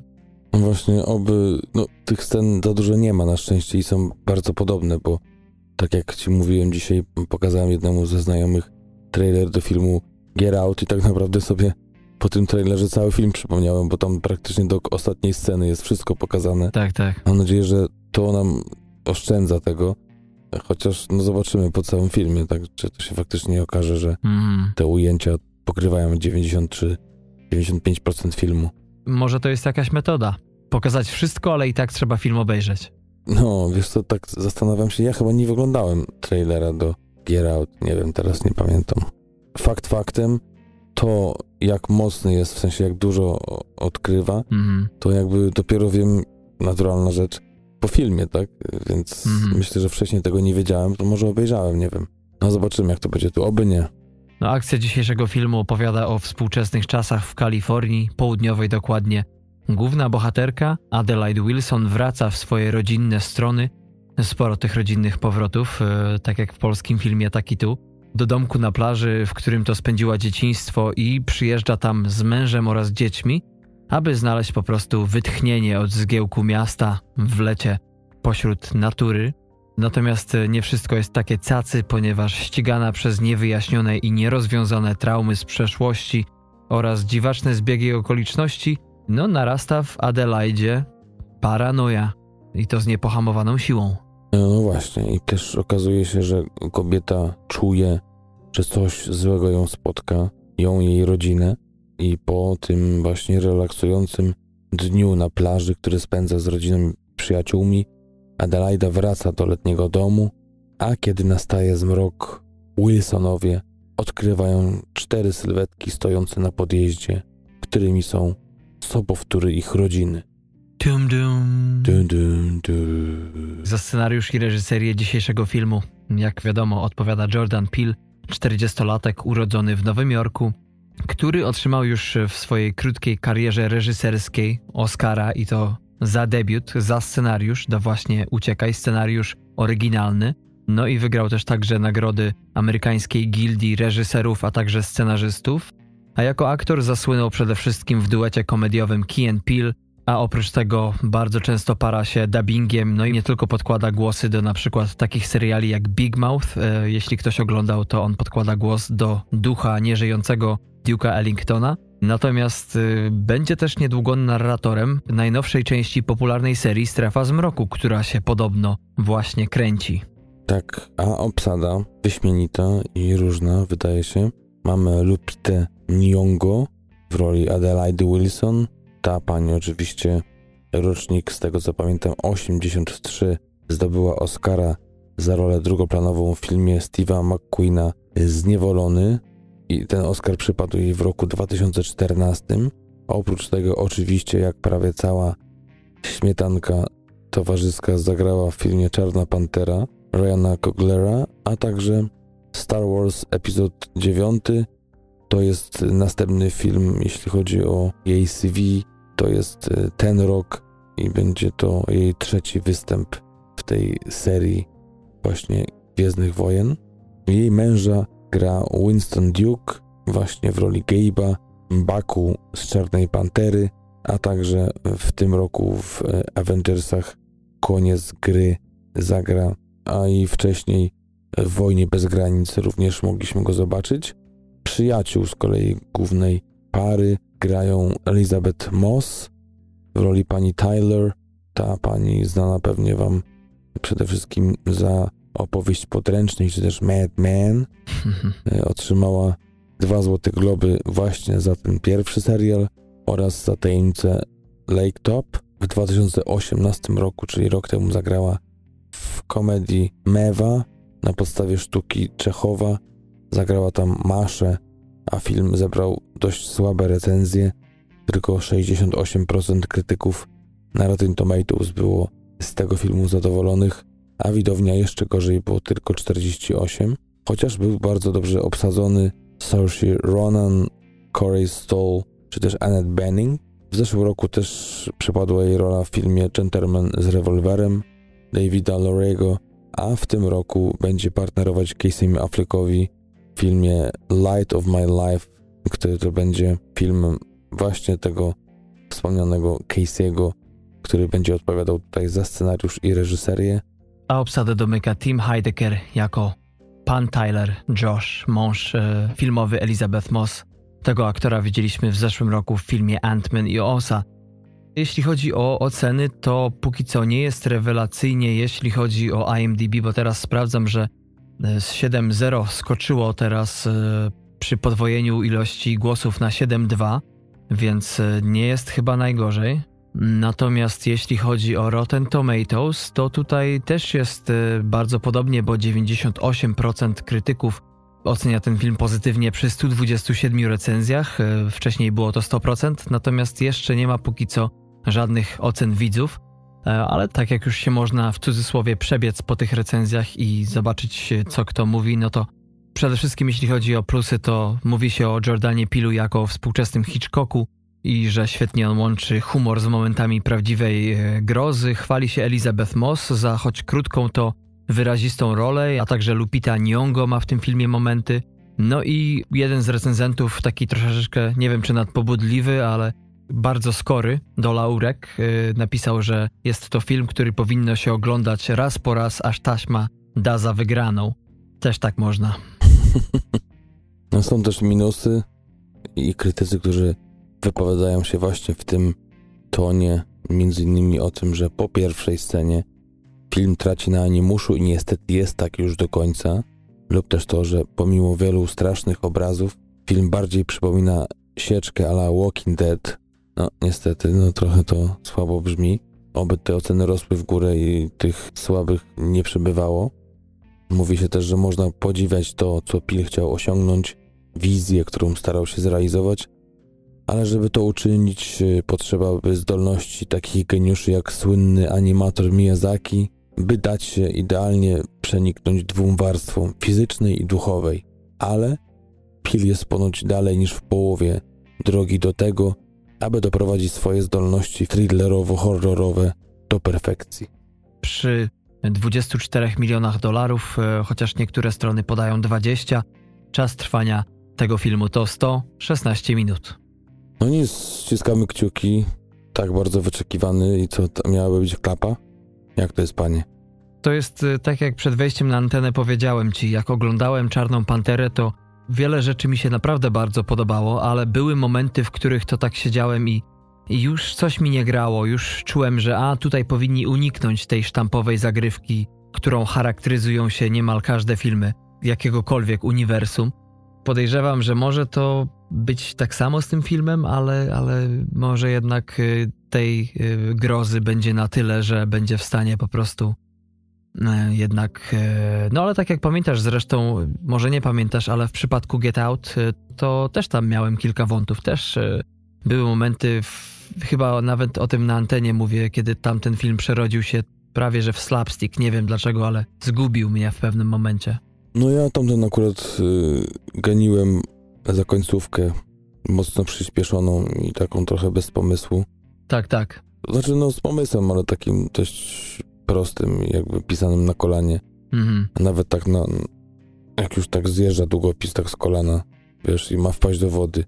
Trzeba się śpieszyć, więc y, mam nadzieję, że tutaj będzie trochę inaczej, bo trzymam kciuki za Pilla, za film, za jego karierę, bo fajny facet się wydaje. No fajny facet i mi się wydaje, że to taki jest, no może nie drugi Spike Lee, bo i gatunki inne, ale no można powiedzieć, że taki wybijający się... Nie no, Steve McQueen bardziej. Tak, tak, no. Chociaż McQueen to akurat scena brytyjska. Dlatego tak się powiedziało mi, ponieważ e, no, może jeszcze nie do końca, ale Spike Lee to tak już trochę wpycham w taką szufladę jak Woody'ego Allena, że jednak ci faceci już powoli jednak wystrzelali się, a jednak Steve McQueen dla mnie to jakoś nie wiem, jeszcze czy ten 12 Years a Slave na przykład, no to jeszcze robi mi tak mocno, że za niego trzymam kciuki, więc nie chcę go już, wiesz, za życia gdzieś tam wtrącać. No wiesz, tym bardziej, że, że mocno się nie mylisz, bo jak może kojarzysz z rozdań Oscarów, popłakał się, jak Spike Lee dostał Oscara. Tak, tak. Zresztą ostatnio w wywiadzie gdzieś tam się przyznał, że kiedyś chodził do jakiejś szkoły średniej i tam odwiedzał szkoły, która nie była ponoć jego pierwszym wyborem, ale Spike Lee jest takim dość od niechcenia, mm. jest takim przymusem. Przyjechał do szkoły i odpowiadał na pytania właśnie uczniów i on nawet zadał mu pytanie i tak się potem śmiał, że tak z niechęcią mu odpowiedział, a, a teraz po tam 20 latach czy, czy 25 współprodukował jego film właśnie Black Clansman. Tak, tak. Także coś tam pewnie jest z tym związkiem Pila ze Spike'em. No tak jest. E, no, zobaczymy jak to będzie dalej. W każdym bądź razie rzeczywiście jest to, no i Ryan Coogler jeszcze, ale Afroamerykanie potrzebują kogoś takiego w filmie, bo no, w dzisiejszym świecie, w którym produkuje się już różny content i różne kultury mogą się wypowiedzieć, no to oni też szukają jakiejś swojej takiej tożsamości i Spike Lee to już nie jest ten czas. Ci młodzi Afroamerykanie też mają już zupełnie jakby inne tematy, o których chcieliby realizować e, przeróżne historie i może dzisiejszy film nie tyle ma do czynienia z rasą jak e, poprzedni, Get Out, ale no trzeba ściskać za to kciuki, bo tak to my mamy przecież, e, taka jest właśnie idea tego podcastu i tacy jesteśmy my, że nieważne skąd pochodzi film, ma być dobry i tyle. Dokładnie. Tego się trzymamy i to pozostanie z nami do końca. Tak jest. No to co? Pora na drugi czy trzeci już może bieg i Pora to prawie przy każdym naszym nagraniu pora zawsze spać. Tak, e, no bo już jest e, u ciebie, ja już nawet nie chcę dodawać tych godzin. U mnie też już jest późno, ale... Jak kurs dolara, panie. Trzeba przemnożyć. tak, nie, to ty tam masz co, w euro, tak? To... Jakie euro? Nie mam euro. A, no tak, ale też u was jakieś ceny horrendalne, więc nie wiem, czy to w ogóle przeliczniki działają. Tak, jak włoskie liry kiedyś, tak, prawie. tak. No ale niestety jak przeliczysz na polskie złotówki, to boli, nie? Boli, boli. To już nie liry. No tak, przechodzimy do komedii, kochani, do głównego filmu dzisiejszego odcinka, do, tak jak powiedzieliśmy na początku, mocno zapomnianej komedii, która jak e, rzeczywiście sprawdziłem na przeróżnych forach i tak dalej, to jednak aż tak dużo nie ma osób, które by o tym temacie rozmawiały. A jak niedawno obejrzałem, odświeżyłem sobie ten film, którego chyba nie widziałem z dobre 15 lat, to okazało się, że Gusta i Guściki to jest e, poniekąd kultowa komedia dla mnie i dla mojego brata właśnie ze względu na ten tekst, którego użyłeś, e, kiedy wspomniałeś o twoich dwóch kompanach na Islandii, którzy nie przekonali się do tej produkcji. Tak, ale wiesz co, no patrząc na to, że faktycznie Polacy chodzą na, na te komedie, takie nawet bardzo niewykwintne y, francuskie, to to, to że, że ten film ma 2217 głosów na Filmwebie, to to jest jakiś potwarz dla tak świetnej komedii. Wiesz, do końca nie chciałem uwierzyć, jak tę liczbę zobaczyłem, bo mi się zdawało, że to w ogóle jest jakiś mainstreamowy film, jak wiesz, w przypadku na przykład filmu Braci Coenów, o którym tu nie wspomnimy, bo może go zrobimy, ale dla mnie on wydaje się w ogóle jakimś nie wiadomo jak bardzo znanym filmem. No ale komedia francuska z roku 2000, która też w Polsce ukazała się w tamtym roku, dokładnie w Dzień Kobiet, to był film, który przecież zrobił ogromną furorę, no nie tylko we Francji, ale przede wszystkim tam pobił rekord, y, chyba to było 4 miliony widzów w weekend otwarcia. O ile dobrze pamiętam, nominację do Oscara zgarnął, a przecież w tamtym roku, w 2001, była to ogromna konkurencja w tej kategorii, więc żeby jeszcze taką komedię, no to chyba nie było na doczepkę, nie? No nie, no sam jestem zdziwiony. I też budżet był dość wysoki, jak na francuskie kino. Tak, tak. Nie wiem, bo, bo takich też wydaje się gwiazd nie było, ale. Ile to było? Z 10 milionów? 10 milionów, tak. 10,2 i box office wskazał ostatecznie 23,6 miliona, więc to był wtedy w ogóle hit i, i kasowy i na, najlepiej zarabiający film w, we Francji. Komedia, która wydaje by się na pierwszy rzut oka, że można by ją wsadzić właśnie w ten, w tą samą półkę z tymi podobnymi komediami, takimi właśnie e, rozkręcającymi się ze sceny na scenę. Gagi, śmieszne sytuacje, żarty, ale jednak mocno się wybijająca. Zresztą sama nominacja do Oscara no nie, nie trafia się takim filmu, e, a tu jednak zostało docenione. No tak, a to był rok e, przecież, e, w którym w tej kategorii dla filmu nieanglojęzycznego wygrał film Przyczajony Tygrys Ukryty Smok. Też w te szranki stanął słynny Amores Peros Inaritu. A w ogóle chciałem sprostować, panie kolego, bo ostatnio powiedziałem, że Roma to był pierwszy film nieanglojęzyczny, który był nominowany w głównej kategorii, ale ten mój research widać nie poszedł zbyt daleko, bo właśnie Przyczajony Tygrys to był ten film, który wcześniej już był nominowany w obu. A Miłość? I Miłość, tak. To się tak publicznie biczuje przez kilka sekund. Już. Tylko jak to ja wytłumaczę żonie? Podcast. tak, ostatni odcinek prowadzony razem. Tak. No nic, ale ktoś powiedział kiedyś o dzisiejszym filmie, że gdyby Woody Allen był Francuzem, to pewnie prędzej czy później nakręciłby właśnie taki film, czy podobny. No i chyba nie sposób się z tym nie zgodzić. Wiesz co, no to się też wiąże z reżyserką, debiutantką, która w wywiadzie promującym film przed y, galą Oscarową mówiła właśnie o tej niesamowitej fascynacji właśnie Allenem, o tym, że, że to się zaczęło ona jest rocznik 64, nie wypominając jej wieku. W wieku 21 lat, jak mówiła, właśnie obejrzała film Purpurowa Róża z Kairu z Miją Farą i Jeffem Danielsem między innymi i się rozpłakała i nawet nie dlatego, jaka to była historia, tylko jak piękny można stworzyć film, jak piękną historię przedstawić. I no i tak to się zaczęło. Jest fanką niego do dziś. No i Myślę, że to jest bardzo trafione to porównanie z takim francuskim odpowiednikiem. Chociaż teraz Woody Allen, nie wiem czy teraz już wrócił do Stanów, do Nowego Jorku, ale kręcił w Europie i pewnie i takie coś mogło mu się faktycznie przytrafić. No ten jego ostatni film Wonder Wheel był kręcony w, na Brooklynie. Mhm. No i też ten jego najnowszy, ale wracając do reżyserki, czyli Agnes Jaoui, która figuruje w tytule dzisiejszego posta, to, no, tak jak Patryk wspomniał, tutaj był to jej debiut, jeśli chodzi o reżyserię, nie scenariusz, którego jest współautorką razem z jej wtedy mężem i głównym bohaterem dzisiejszego filmu. Do tego dojdziemy, ale zanim y, w to wsiąkniemy, w te y, zakamarki, no to opowiedzmy o czym ten film jest. Pokrótce jest to komedia kilkorga e, ludzi, już w no, niemłodym wieku, ale jest między nimi pewne zróżnicowanie, którzy pragną zrobić coś w życiu jeszcze ważnego, e, którzy na ogół są niezadowoleni z miejsca, w którym są, ze swojej egzystencji, co też warte podkreślenia, są to ludzie z zupełnie różnych środowisk, których właśnie losy jakby zazębiają się razem, zupełnie przypadkowo. No tak, e, taki krótki opis, nie wiem czy to był film web, czy gdzie go przeczytałem, kiedy ten film gdzieś tam wypatrzyłem. Mówił o tym, że jest właśnie sobie jakiś szef firmy, który poznaje pewną kobietę, która ma koleżankę, barmankę, która to spotyka byłego znajomego, który to też ma kolegę z pracy, który jest z kolei powiązany z pierwszą postacią.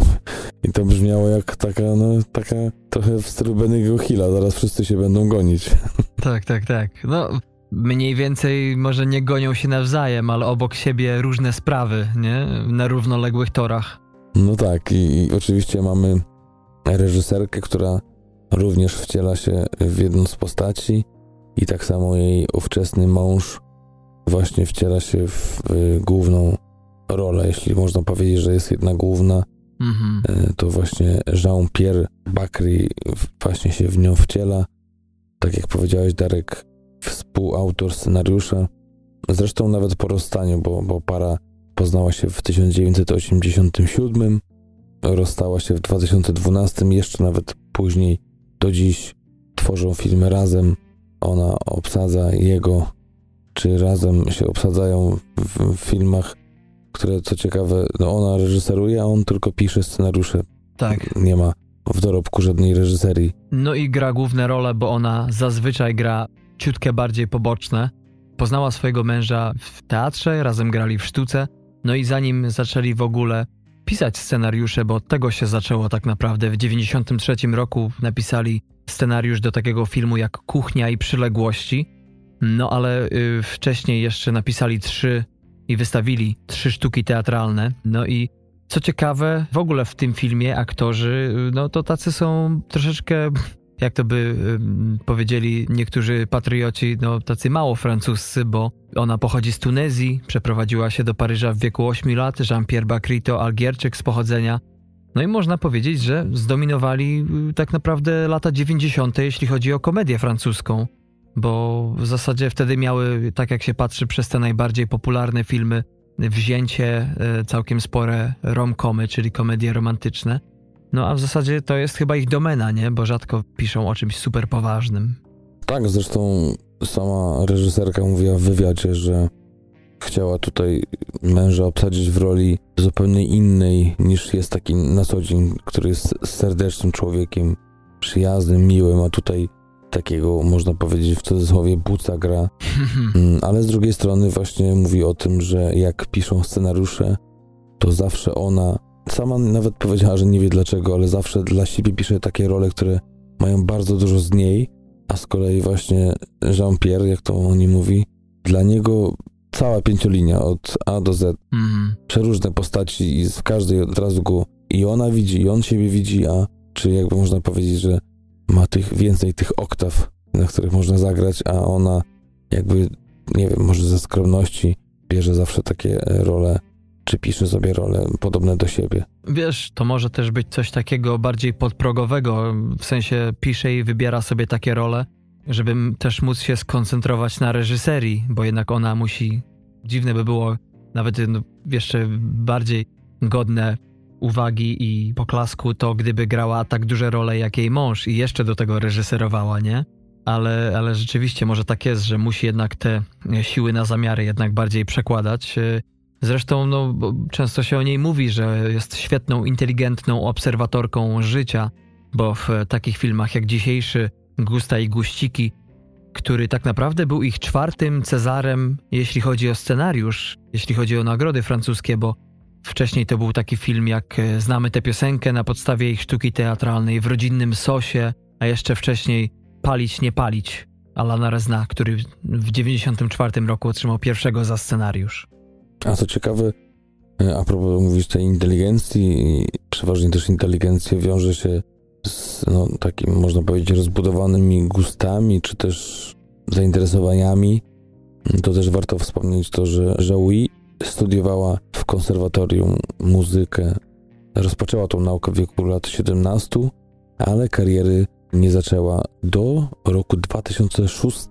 Mhm. Także no, w mocno już takim porządnym wieku, 6 lat po filmie, o którym dzisiaj mówimy, zaczęła karierę piosenkarki. Oczywiście nie zostawiając przy tym w ogóle świata filmowego, gdyż tworzy, no może nie często, ale dość regularnie kolejne filmy. Nawet w zeszłym roku powstał Place Public, no, oczywiście z Jean-Pierre Bacrym, a właśnie w 2006 roku wyszedł jej album Kanta, jakby ktoś chciał wyszukać. Tak. Jest to taki miks muzyki latynowskiej, flamenco, bolero, bossa, ponoć coś na, na właśnie pograniczu tych trzech gatunków.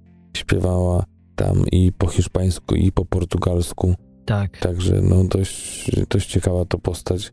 Też te filmy warte, y, myślę, że przejrzenia, chociaż nie wszystkie mają wysokie oceny. Właśnie to tak zbliżają się do tych standardów y, romkomów Polskich. i polskich, i francuskich, tych na przełomie 5-5, Tak, tak. 6-0, także To czasami nie wiadomo, czy to polskie komedie są tak słabe jak słabe francuskie, czy słabe francuskie tak słabe jak słabe polskie, nie? A pamiętasz, był chyba taki film francuska komedia? A był, był, no. Co, coś takiego, jakaś ta podróż do Francji. Czy francuski numer? Jak, jakkolwiek. Francuski czy pocałunek? A. Czy, nie, nie, numer, numer. O, Francuski pocałunek, e, tak jest z Janem Fryczem. Chyba ten numer był. Um, natomiast e, zgadzam się z tobą, bo te filmy jej widziałem. Tak to się akurat złożyło i no po tym dzisiejszym filmie... No tak, jeżeli to był dla ciebie film kultowy, dla ciebie, dla brata, to pewnie podążałeś tą ścieżką. Tak, tak, no ale niestety tylko pod jednym z kolejnych filmów mógłbym się zdecydowanie podpisać. Wydaje mi się, że po tym rozwodzie po prostu, bo tam był jeszcze właśnie ten książenie z tej bajki, no to trochę spowolnili, chociaż podobno pozostają właśnie w nadal dobrych, y, przyjacielskich, partnerskich relacjach, ale filmem, który mi się bardzo spodobał jeszcze poza tym dzisiejszym, to był Popatrz na mnie.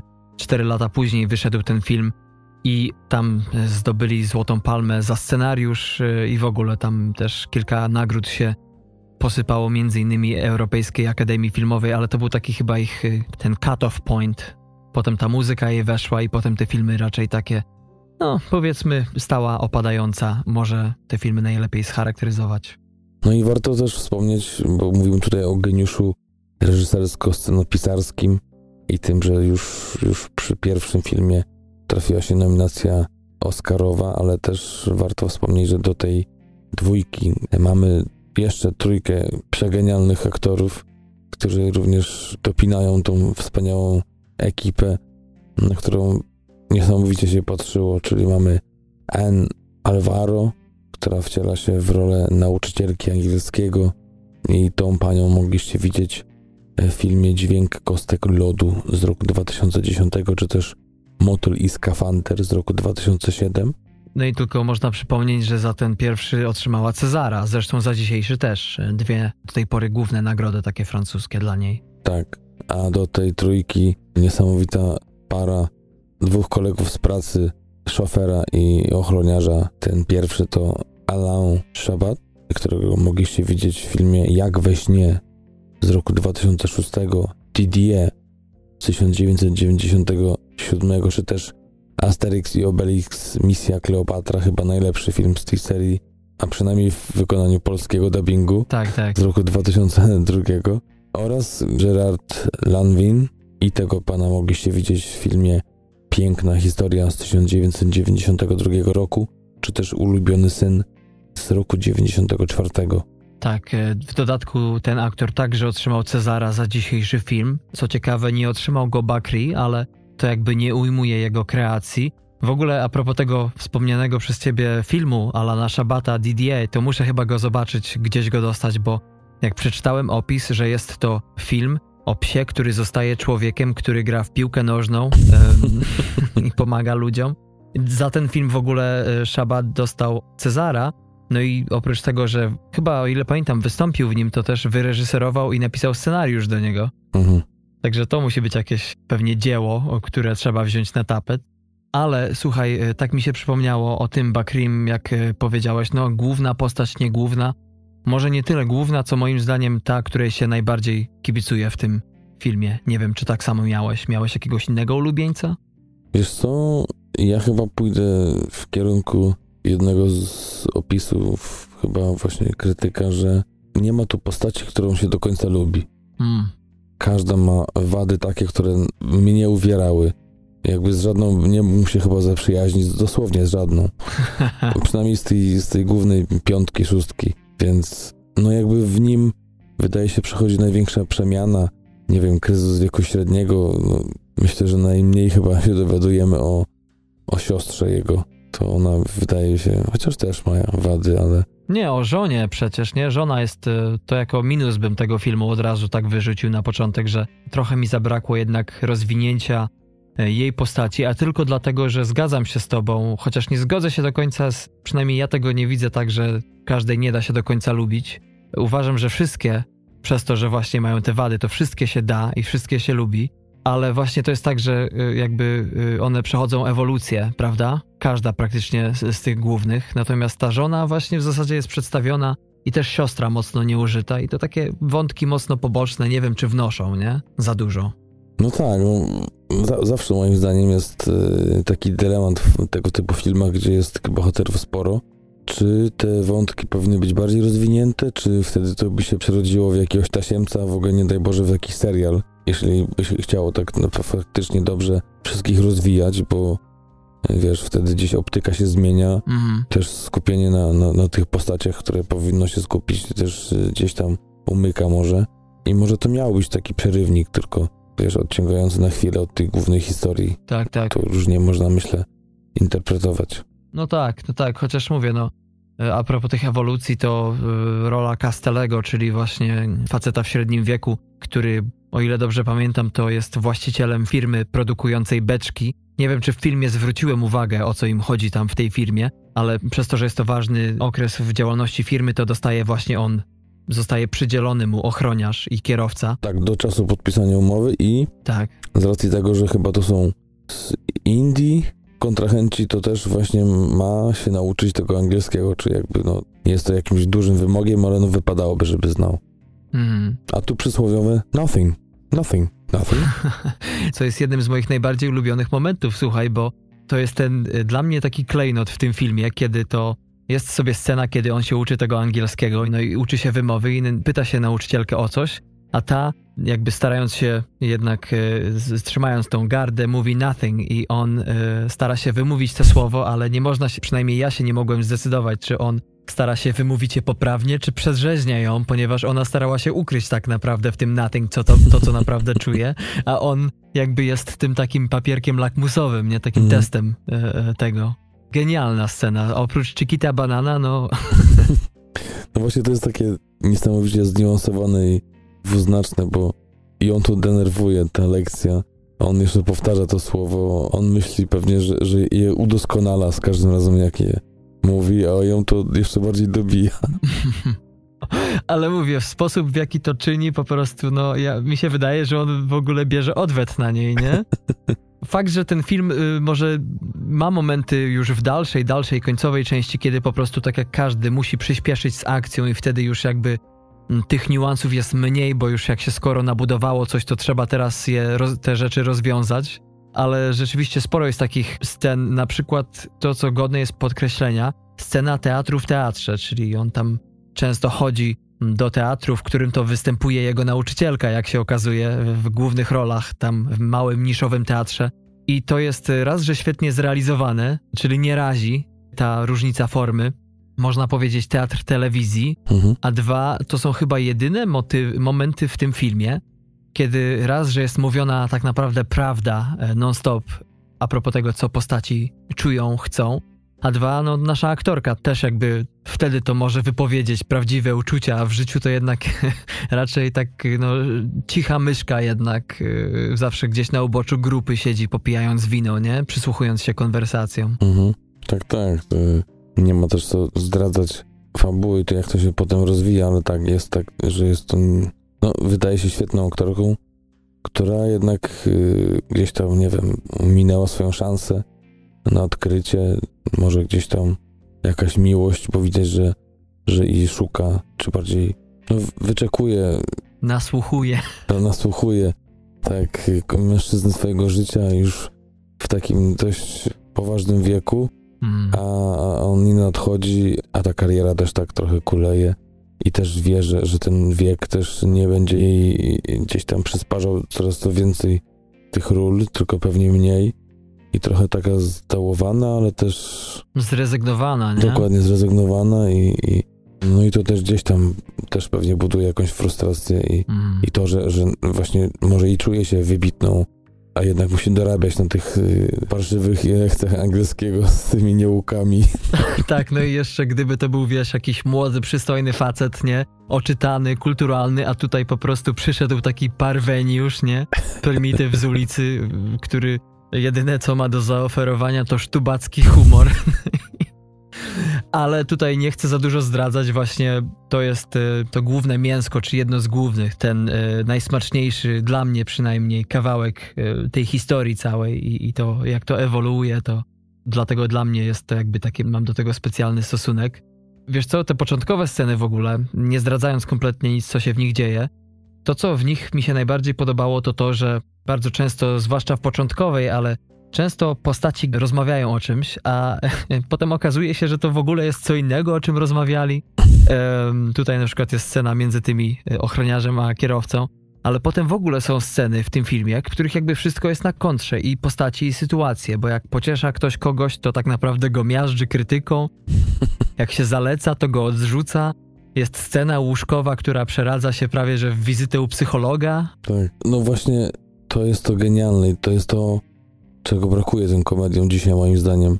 To, że to się wydaje, że coś jest od niechcenia, ale ma taką głębię w sobie Mhm. i na przykład jeżeli, takie jest moje zdanie, ten film jest o jakichś przeciwieństwach, o przede wszystkim o tym, że nie można oceniać książki po okładce, to na przykład właśnie takie sceny, takiej sceny też nie można oceniać pod tym względem, jak się zaczyna, bo za chwilę zupełnie jest czym innym. E, I tak samo jak ludzie, tak samo właśnie i te sytuacje zupełnie się zmieniają.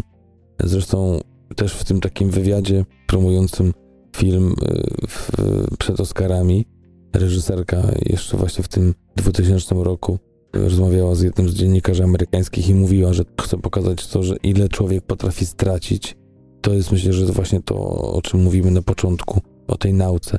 Ile człowiek potrafi stracić przez to, że gdzieś tam się zamyka na tą drugą osobę, widząc jakąś jego powierzchowność, nie, nie chcąc nawet dojść do tego, sprawdzić, czy to jest tak, jak mi się wydaje na pierwszy rzut oka, czy jest zupełnie inaczej, czy może traci jakąś, nie wiem, nie mówię miłość, ale jakąś niesamowitą, fascynującą znajomość, przyjaźń może, tak, ale no i tak ten świat leci do przodu w ten sposób, że jest to jeszcze gorzej, jeszcze bardziej, no tych impulsów jest tyle w tej chwili, że to musi się odbywać na tym, że, że coraz częściej będziemy oceniać pewnie sytuację ludzi, towar, wszystko po kolei na pierwszy rzut oka, tak, bo nie będzie czasu, bo jest kolejny, kolejna osoba. No, a poza tym, wiesz, z drugiej strony, to, to jednak to, do czego ludzkość, e, przynajmniej liberalna, dążyła od zarania dziejów, czyli do tego, żeby każdy mógł nadać swojemu życiu ekspresji, no to z tego zrodziło się między innymi selfie, a z tego wszystkiego selfie właśnie ogólnie taki trend, że wszystko to ma wyglądać, nie? Mhm. I to ma być obrazkowe, ma być na szybko i, i ma być podjęta decyzja w sekundę, czy się to lubi, czy nie. Aplikacje dzisiaj randkowe to są, są robione na zasadzie nie zadaj pytanie i pobaw się, wiesz, w głuchy telefon, ale swipe left, swipe right, nie? Mhm. Krótka piłka e, tak naprawdę, nie? A tutaj w tym filmie mamy jednak światy, które koło siebie egzystują i one mają czas, żeby jakby się przeniknąć, bo można właśnie polać komuś lampkę wina, pogadać o różnych rzeczach, pośmiać się z kogoś, a nie siedzieć e, w telefonie. No tak, i, i właśnie przez to, że, że tak przypadkowo te, te światy przenikają się, to właśnie to jest to, że możemy zobaczyć, że możemy coś stracić. Że trudno jest znaleźć się w takiej sytuacji, żeby właśnie taka osoba jak taki prezes firmy, który nie ma czasu i wzdycha jak słyszy o matko i w tym jeszcze będę mówić wierszem. Taki przenika nagle na imprezę, gdzie się spotyka z twórcami właśnie teatralnymi, z, z jakimiś malarzami i tam musi wejść w rozmowę. Gdzieś tam, no może się trochę z niego śmieją, ale jednak przyjąć do kasty to może za dużo powiedziane, ale jednak gdzieś tam dają mu wyrazy sympatii. Powiem ci, że też z tą kastą to jest e, no raczej taka, nie wiem, czasami momentami oczywista rzecz, że właśnie co jest zasługą scenarzystów, że też ci ludzie w pewnym momencie no, wyglądają na lepszych przynajmniej, bo to oni przecież czytają te wyższe rzeczy, to oni Mhm. to czerpią, nie, z, wiesz, z ducha, nie, a tutaj jednak jest, wiesz, wieśniak za przeproszeniem, nie, który, który jeszcze opluje wszystkich, nie wiadomo co, nie, i, i to też trzeba przełamać ten lód y, prędzej No czy oprócz później. tego mamy jeszcze właśnie raz, że, że tak jak mówisz romcom, to też mamy takie relacje jak właśnie między tymi kolegami z pracy. Mamy relacje żona-szwagierka, przyjaciół, ale też mamy relacje jeszcze homoseksualne, mamy sprzedaż narkotyków, tak? Także no naprawdę tych tematów to się przewija sporo i, i też miejsca na przemyślenia jest, jest, jest dość wystarczająco w czasie filmu, a z drugiej strony jest to przesiągnięte na pewno emocjami, ale jednak na takim lajtowym klimacie, nawet jak są jakieś rozstania, coś, to, to nie ma dramatów. To nie ma Tak. jakby...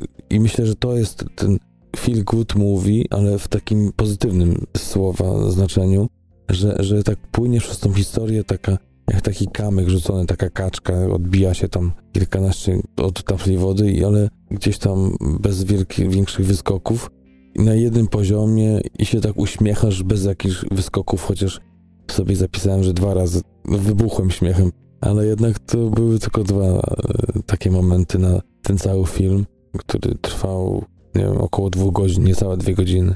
Niecałe. Mhm. Wiesz, to, to o czym powiedziałeś e, przed chwilą, e, to tutaj niejako jest to komentarz dotyczący jakości aktorstwa w tym filmie, bo te wszystkie postaci, oprócz już scenariusza, który rozwiązuje właśnie te różne e, wyjścia z sytuacji w pewien sposób, to jednak ta swoboda w grze aktorów. Widać, że no, mieli sporo swobody w kreowaniu swoich postaci, przynajmniej tak to e, odczytuję. Dali te miejsca, te wspomniane przez ciebie miejsca, w których człowiek może się zastanowić, bo e, emocje, to co się dzieje w nich samych, jest to tak minimalnie, acz no, wyraziście pokazane, że tutaj no, to jest jakby dodatkowa taka warstwa, która wzbogaca ten jakby brak wybuchowości scenariusza, brak tych gagów, które mhm. podobno mają w sobie mieć e, te takie komedie, na których ty i ja się nie znamy. No a do tego mamy muzykę jeszcze, która jest, jak sama reżyserka mówi, no niesamowicie ważną rzeczą dla niej. Fundamentalną, jeśli chodzi o. No zresztą sama jest po konserwatorium i jest piosenkarką, więc y, to wcale nie dziwi. Więc jest dużo na przykład Schuberta, ale też jest jed, jeden chyba utwór, z tego co kojarzę, Pata Metaniego. A sama reżyserka, to też w jednym z wywiadów wyczytałem, że jest taki film Billy Elliot. Głupie pytanie zadać, czy, czy kojarzysz. I mówi, że no, film świetny, ale no, nie potrafi go znieść przez muzykę. Nie pasuje jej zupełnie dla mnie. Według niej jest nie ten klimat, i jak film jest genialny, przynajmniej tak przez większość odbierany, to ona po prostu nie może przez niego się przebić, przez tą muzykę. I dlatego tutaj bardzo każdy fragment jest wystudiowany, w którym momencie, jak, z jaką intensywnością i na to zwracało mocną uwagę w tym filmie. I to a propos tego mówisz, że e, do, do tej gry aktorskiej to jeszcze dołożymy tą muzykę. No zdjęcia jak zdjęcia, no. Dają radę. Tutaj w filozofii nie było. Tak jest. Ale też tam na pewno nie przeszkadzają.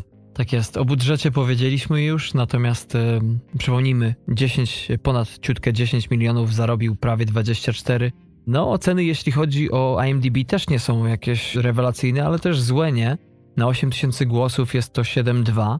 No i też właśnie zwróciło mi uwagę to, że też tych głosów, wiesz, jak na Filmwebie jest 2000, mhm. na IMDb 8000, to też nie powala. Widać, że Francuzi po prostu mało patriotyczni, bo jak ich 4 miliony widziały w dniu otwarcia, to pewnie kilka potem jeszcze, więc mogli się skrzyknąć. A tak tu wielka lipa. No, tak samo jak przecież no, ja jakby, nie, jakby za bardzo nie wczytywałem się w, w historię podziału tych głosów na IMDB, na filmy z Indii, ale myślę, że przez to, że tam jest taki nawał tych ocen, mhm. przecież tych filmów, które mają oceny koło 9, to jest multum, a nie trafiają jednak na tą listę najlepszych filmów wszechczasów, tylko są usunięte na listę Najlepsze indyjskie filmy.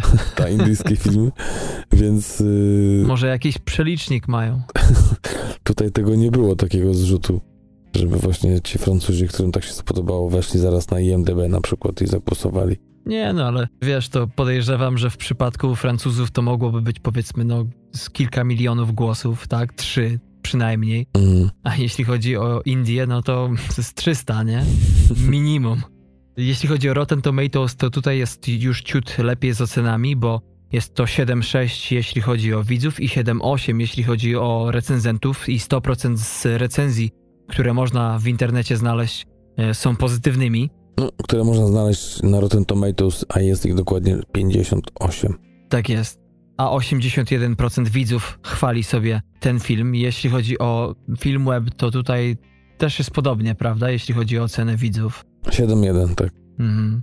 Coś jeszcze masz do dodania a propos takich ciekawostek, czy, czy przechodzimy do podsumowania dzisiejszego dzieła? Jedną rzecz chciałbym cię zapytać. Tak, od razu mówię nie.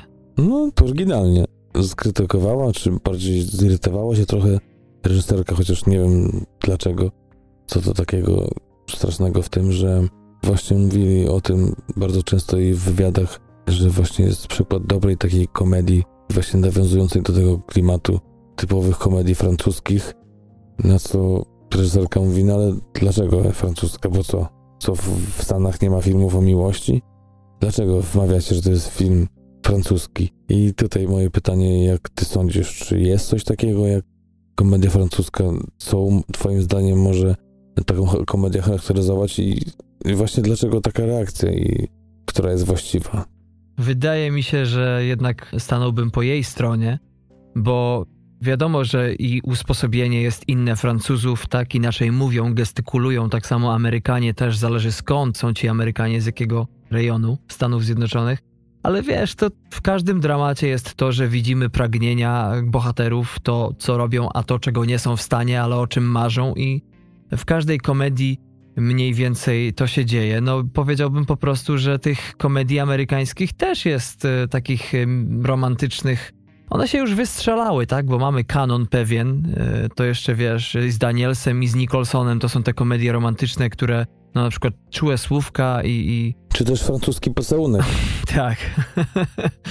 wiesz, no ale, ale ciężko jest tak naprawdę porównywać, ale nie ma jakiejś takiej wielkiej różnicy. No chodzi ja bym to chyba przeliczył bardziej na. No, no ale, ale nie, nie możesz jakby podważyć tego, że, że jednak mówi się o jakichś francuskich komediach i jak powiesz francuska komedia romantyczna, to mniej więcej możesz coś już powiedzieć, tak? Czy nie? Słuchaj, o Harnasiu też się mówi, że to dobre piwo, tak? No ale nie, ale to nie chodzi o to, czy to jest dobre, tylko czy to jest charakterystyczne. No jak Harnaś, tak. Okej. Okay. Więcej za język nie ciągnę. Y, moim zdaniem ta wrażliwość to, to może być to bardziej może skupienie na detalach, a z kolei może większa emocjonalność, przynajmniej w pokazywaniu tych uczuć i po prostu no to chyba najbardziej co może zaboleć Amerykanów to, to chyba lepsza jakość takiej przeciętnej no. komedii, chociaż cały czas mówimy o komedii sprzed 19 lat, nie takiej, która powstała dziś, ale właśnie to jest też siłą tego filmu, jak ponadczasowa ona jest, jak świeża jest do dziś. Powiem ci szczerze, nie, nie pamiętam teraz, były chyba tam jakieś momenty z telefonami komórkowymi, czy nie. Mm. Ale w ogóle tam tego nie czuć. Dla mnie to mógł ten film być wczoraj. Wiadomo, że Twittery, nie Twittery, Facebooki, może by więcej tego było, ale mm. w ogóle nie czułem, że to jest jakiś stary film. Słuchaj, to też wiesz, mówiąc o tej komedii, mamy do czynienia jednak z filmem, który się wybija ponad y, poziom, więc. Y, no tak. A też powiem, że amerykańskie też mają. Nie według Tomka i Włodka. tak. Którym każe przesłuchać ten odcinek. Żeby zrujnować kolejne półtorej godziny, e, żeby już e, tak dobić do okrągłej liczby przed twoim wypadem z krainy e, wiecznego ognia i lodu. Tak. Ale wiesz, no te dobre komedie sprzed wielu, wielu lat, sprzed 20 lat amerykańskie, to no już nie mówię o głupich i głupszych, ale jeszcze może końcówka 80., to jednak też są uniwersalne, też sporo w nich ducha jest, też, też są o wiele lepsze niż, wiesz, pierdołowate produkcje, które, tak jak wspomniałeś, to są te ostatnie lata, kiedy one królują, nie? Kiedy mhm. pierdołowate mówię dlatego, że zawsze musi być jakaś pierdoła, ktoś, kto naprawdę jest w życiu tak nieogarnięty, że mnie to już nie bawi, nie? A jednak w tym dzisiejszym filmie, no to jednak tutaj nie ma takiej osoby, nie? Że jednak te problemy ich są, nie to czy ważne, czy nieważne, są prawdziwe, nie? Mhm te dylematy przede wszystkim, które każda postać praktycznie z nich ma. To tak bym to skomentował. No i tak jak mówisz, też te przemiany zupełnie inne i to skomplikowanie związku, na przykład związek ochroniarza mhm. jest tak niesamowicie dziwny, skomplikowany, ciężki, a jednak się tam tyle dzieje. No, no, on y, w ogóle tego podejście takie, widać te przyzwyczajenie, nie? Y, od bycia psiurem, nie? To, to jednak y, tutaj ogromną rolę gra w tym filmie. Jest jedyną taką postacią, a jednak też momentami jest przede wszystkim lojalny, tak? Czyli jest takim człowiekiem, mhm. który też jest otwarty, też wysłucha. To nie jest tyran. No nie, no przekrój tych postaci, tych relacji jest tak szeroki, że naprawdę można by obdzielić kilka komedii tymi problemami, które porusza i tymi zmianami, które się w człowieku dzieją na przestrzeni lat, chociaż tutaj mniej więcej ci ludzie są w podobnym wieku. Mhm. No niesamowita perełka moim zdaniem, zupełnie przypadkiem, nawet nie mówię, nie powiem jak bardzo przypadkiem to wyszło, gdzieś tam szukając jednego filmu, ten się trafił zupełnie inny, no ale fajnie, że się udało. W dodatku można powiedzieć, że to mimo wszystko, nie znam się na Francji, tak nie wiem jak ta Francja była na początku XXI wieku, ale jak e, pytam się tutaj ludzi w Stanach o Stany Zjednoczone, no to mówi się, że lata 90. to wiesz, to był środkowy palec MTV i wiesz, liberałowie to używali strasznego języka takiego hej do przodu, oni nie zważali na bariery. Dzisiaj to oni są ci, wiesz, PC, czyli political correctness, nie? Mm. A we Francji e, też ten film podejmuje, nie wiem czy tam była wtedy publiczna gadka o marihuanie, ale, ale ten film jednak, czy na przykład o jednej z postaci, kobiecie, która, no jeden z recenzentów napisał, że chodzi na randki jak facet, Mhm. nie? Więc jest też troszeczkę takich rzeczy, które się nie za bardzo widuje, a jeśli już to w formie no, zbliżonej do pastiszu, nie? Tak. W dzisiejszych komediach. No nic chyba dodać, nic ująć, chociaż y, też nudne i o niczym. Po co taki film robić? Bez przesłania, bez polotu. Szkoda czasu. Przecież szkoda, że ten recenzent tego nie, nie zrymował. Po co taki człowiek żyje, jak to w jednym filmie było? Ale przynajmniej zrobił coś e, ciekawego i pożytecznego, wpisał się na stałe w internety, które niczego nie zapominają i za 100 lat y, po prostu ktoś powie, o proszę. Ale też ciekawa jedna z, z opinii była, że generalnie film słaby, irytował, a na końcu było. A może powiem jaka była ocena? 1 na 10. Mhm. Ale tak pojechał film, a na, a na końcu mówi Ja sobie zdaję sprawę, że obcowałem ze sztuką. Bo niewątpliwie film jako taki ma walory artystyczne, ale ponieważ mnie zanudził, więc subiektywnie na dzień dzisiejszy daję mu 1 na 10. Oj, prawdziwe złoto. Wyobraź sobie, co by było, gdyby ten film nie był sztuką. No to już to byłoby na minusie chyba. No słuchaj, wszystko w nim fajne, tak? Postaci, kamera, w ogóle, śmieszny scenariusz, świetne aktorstwo, no tylko mi się nie podobał, no. No. Oj, em, no jednak e, research czasami się opłaca, bo jak mało śmiechu e, na tym padole, to zawsze można się rozerwać, takie rzeczy odkrywając. Mm. E, jaką byś wystawił ocenę końcową mm, temu filmowi? Od 1 do 15. Eee, No do 16 maksymalnie. nie no, 14,5. Aha. A ty? Ja dam mu 14. Okej. A to dlatego, że właśnie nie rozwinął trochę tej żony i Mhm. jednak e, ja jak widzę te filmy, to coś, co w przypadku Get Out ty wypunktowałeś, że nagle z tą akcją trzeba pójść do przodu i tutaj może to nie jest tak rozwiązane jak u właśnie e, Pila, który troszeczkę właśnie jakby po łebkach, takie same miałem zdanie, poleciał. W dzisiejszym filmie to raczej jest, no, no trudno, trzeba po prostu jakoś y, zmierzać do końca, nie? Bo to jest jednak mhm. komedia i to ma rozerwać, a nie zanudzić. Tak jak wspomniany e, krytyk napisał.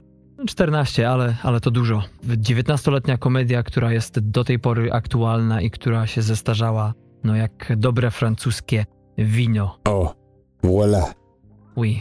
WLW, ale dobra, to nieważne. Nie, nie, to poczekaj, zaraz muzyczka wjedzie, pożegnamy się to. E, będziesz mógł dalej się uzewnętrzniać. Czas trwania 112 minut. No i chyba to by było na tyle, panie kolego, co? Jeśli chodzi o dzisiejszą komedię Gusta i Guściki. Tak, no jeżeli nie zachęciliśmy, to już nikt was nie zachęci. Tak jest, jesteśmy ostatnią deską ratunku. A może ów krytyk słucha. Zapraszamy, kochani, oczywiście do naszego posta z odcinkiem na www.tmfpodcast.com. Tam trailery, linki i inne perypetie. Na Facebooku jesteśmy, jak i na Instagramie pod aliasem TMF Podcast, natomiast na Twitterze tam zachęcamy do śledzenia nas i wchodzenia w interakcję. Jesteśmy pod aliasem TMF Dolny podkreślnik podcast. Oczywiście wszystkie apki typu Podcast Go, Podcast Addict, Castbox, Podcast Republic, a do tego Spotify, YouTube oraz kilka odcinków na SoundCloudzie. To wszystko do Waszej dyspozycji. My jesteśmy do Waszej dyspozycji. Wszystkie puste pola komentarzowe, wszystkie maile do TMF. No właśnie, nigdy nie podawaliśmy chyba maila tmf.kontakt małpa gmail.com I wydało się, tylko nie mów hasła. No tak, ale tam możecie nas e, zarzucać, e, czy to jakimiś e, propozycjami, co do filmów, które waszym zdaniem zasługują na to, by polecić je szerszemu gronu, bo nie są znane. No czy też inne jakieś różne, chcecie nam wysłać pieniądze na przykład, albo opłacić kawę, czy przedszkole dla dziecka, no to... Ale tak, e, koniec poważnych tematów, e, jakoś trzeba żartem zakończyć. Yy, No a ja zapraszam na ostatni, teraz już oficjalny odcinek z Islandii. Filmu jeszcze nie mam, serial już mam. Newsy też już ciekawe zbieram, także będzie się działo. Naprawdę warto. Tak jest, a ja sobie odpocznę w pracy w tym czasie i może coś e, zasypiając na posterunku wrzucę na ruszt. No bo zapasem potem już po twoim powrocie 37 odcinek, jeżeli nic się tam nie przedłuży z twoim e, zaaklimatyzowaniem się w Gdańsku, w którym ma podobno być e, tak zimno jak na Islandii, więc może nawet nie będziesz musiał. Może nie. No dobrze, to co? Dziękujemy serdecznie. Ja dziękuję ze swojej strony za cierpliwość i uwagę. Ja dziękuję słuchaczom za cierpliwość do Darka, za to, żeśmy tu wycierpieli się te no, przedłużone minuty i zapraszamy jak zwykle do kolejnych odcinków i do tych poprzednich. Tak jest, a już niedługo, bo w przyszłym miesiącu w połowie nasze drugie urodziny, więc pewnie też coś zmajstrujemy może specjalnego, bonusowego. Who knows? Może zajrzyjcie do odcinków około jednorocznych. Tam była też ciekawa niespodzianka. Bardzo ciekawy film. Czekam, aż ktoś nas w końcu zaczepi o, o, o tą pozycję. No może niektórzy się domyślają, a jak nie, to nie. Nam się wydaje, myślę tak tutaj nieskromnie, że zrobiliśmy coś rewolucyjnego, wyprzedziliśmy epokę. Nikt tego nie zauważył. tak. No chyba, że po prostu jesteśmy bandą głupków, ale to nie wyprowadzajcie nas z tego przeświadczenia. Tak jest. No dobra. Ja ze swojej strony kończę. Dziękuję serdecznie za uwagę. Trzymajcie się. Do usłyszenia.